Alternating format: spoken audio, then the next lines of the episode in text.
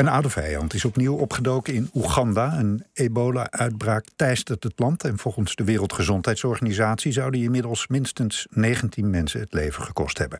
Ondertussen maken omringende landen zich ook bezorgd over een regionale verspreiding.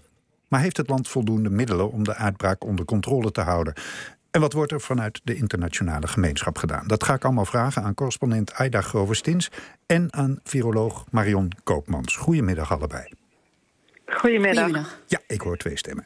Welkom, uh, Aida, om met jou uh, te beginnen. Hoe groot is de uitbraak in Oeganda? Uh, ja, nou, zoals je net al zei, zijn er nu officieel 19 mensen overleden aan het virus. En er zijn 54 gevallen officieel geconstateerd. Als het iets officieels geconstateerd zijn er meestal wat meer. Het virus is uh, pas op uh, rond 20 september uh, voor het eerst weer ontdekt. Mm -hmm. En nu al in vijf districten in Oeganda waargenomen. En waar mensen eigenlijk zich het meest over zorgen maken... dat er ook een geval in de hoofdstad Kampala geconstateerd is. Die persoon is overleden inmiddels. En de Kampala is een stad van uh, anderhalf miljoen mensen.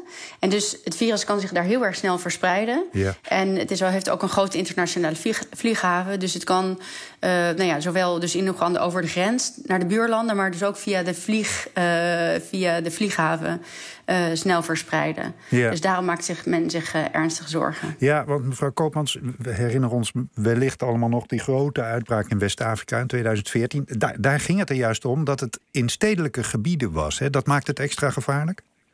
Ja, dat uh, maakt het extra gevaarlijk omdat dan de kans dat het sneller verspreidt, dat er gewoon veel meer mensen zijn ook om uh, die infectie om te verspreiden, die is gewoon groter. Dat hebben we bij die uitbraak gezien. Want op zich is deze uitbraak er één uh, in de serie zoals we die al, al decennia kennen. Hm. Eigenlijk in een afgelegen gebied. Uh, redelijk afgesloten. Maar de verandering die je niet wil zien is dat het in, in grote steden gaat spreiden. Nee. Nu was dit een enkel geval. Uh, en dat was iemand die uit het, het gebied komt waar de meeste van de andere gevallen ook uh, vandaan komen. Hm. Maar het is wel scherp opletten inderdaad of wat er nu precies in Kampala aan het gebeuren is. Ja, en het zou hier ook om een nieuwe variant gaan. Hè? Wat is dit voor variant? Nee, het is niet een nieuwe variant. Het is een virus wat we al lang kennen. Maar de, de, de ebola-virusgroep die is in uh, allerlei verschillende varianten onderverdeeld. Uh, de vorige West-Afrika was Ebola Zaire, uh, dat is de naam. Ja. En dit is Ebola Sudan.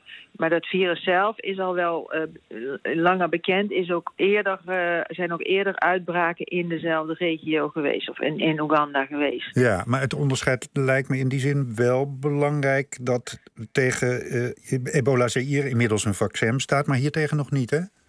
Klopt, ja, want daarvoor zijn de virussen te verschillend. Dus je verwacht niet dat met het nu beschikbare uh, vaccin... dat dat, dat uh, werkzaam zou zijn tegen deze... Nee. Uh, uh, tegen het Sudan-virus. Dat ja. klopt.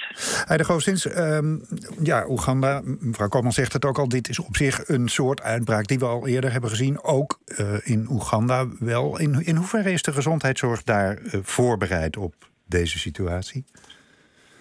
Nou, Oeganda en, en, en veel Afrikaanse landen zijn wel voorbereid op het aanpakken van epidemieën. Maar in dit geval uh, moet je er en heel erg snel bij zijn. En, uh, want als de uitbraken wat groter worden, dan worden ze lastig te beheersen.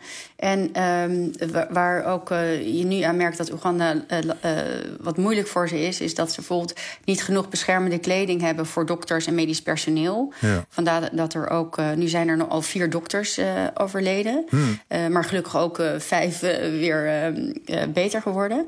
Um, dus dat, dat is meestal een groot probleem. En um, Kampala, of Oeganda, heeft maar één instituut dat het ebola-virus kan identificeren.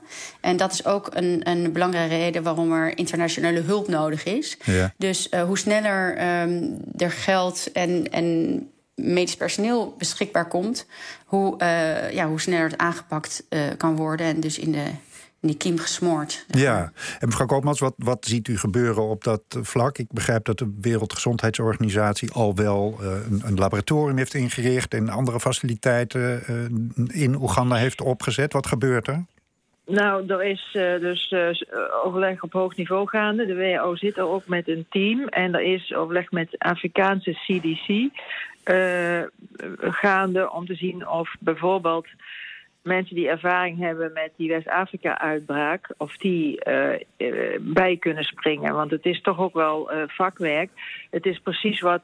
wat Mevrouw Govestins, ja. gezegd werd. ja. ja de, de, de, eerste geval was in 20 september en drie dagen later gevallen in vijf uh, gebieden. Dat is niet omdat het virus zo snel spreidt, maar omdat het dus al langer gaande was. Ja. En dat maakt het gelijk een grote klus uh, waar heel veel mensen voor nodig zijn. Dat is de belangrijkste beperking, denk ik, op dit moment. Ja. Uh, en um, ik heb begrepen dat daar naar gekeken wordt. Het is bij eerdere uitbraken ook gebeurd. Ja, want de incubatietijd is, kan, kan tot zes weken zijn. Hè? Dus, dus er, gebeurt al veel terwijl je het nog niet weet.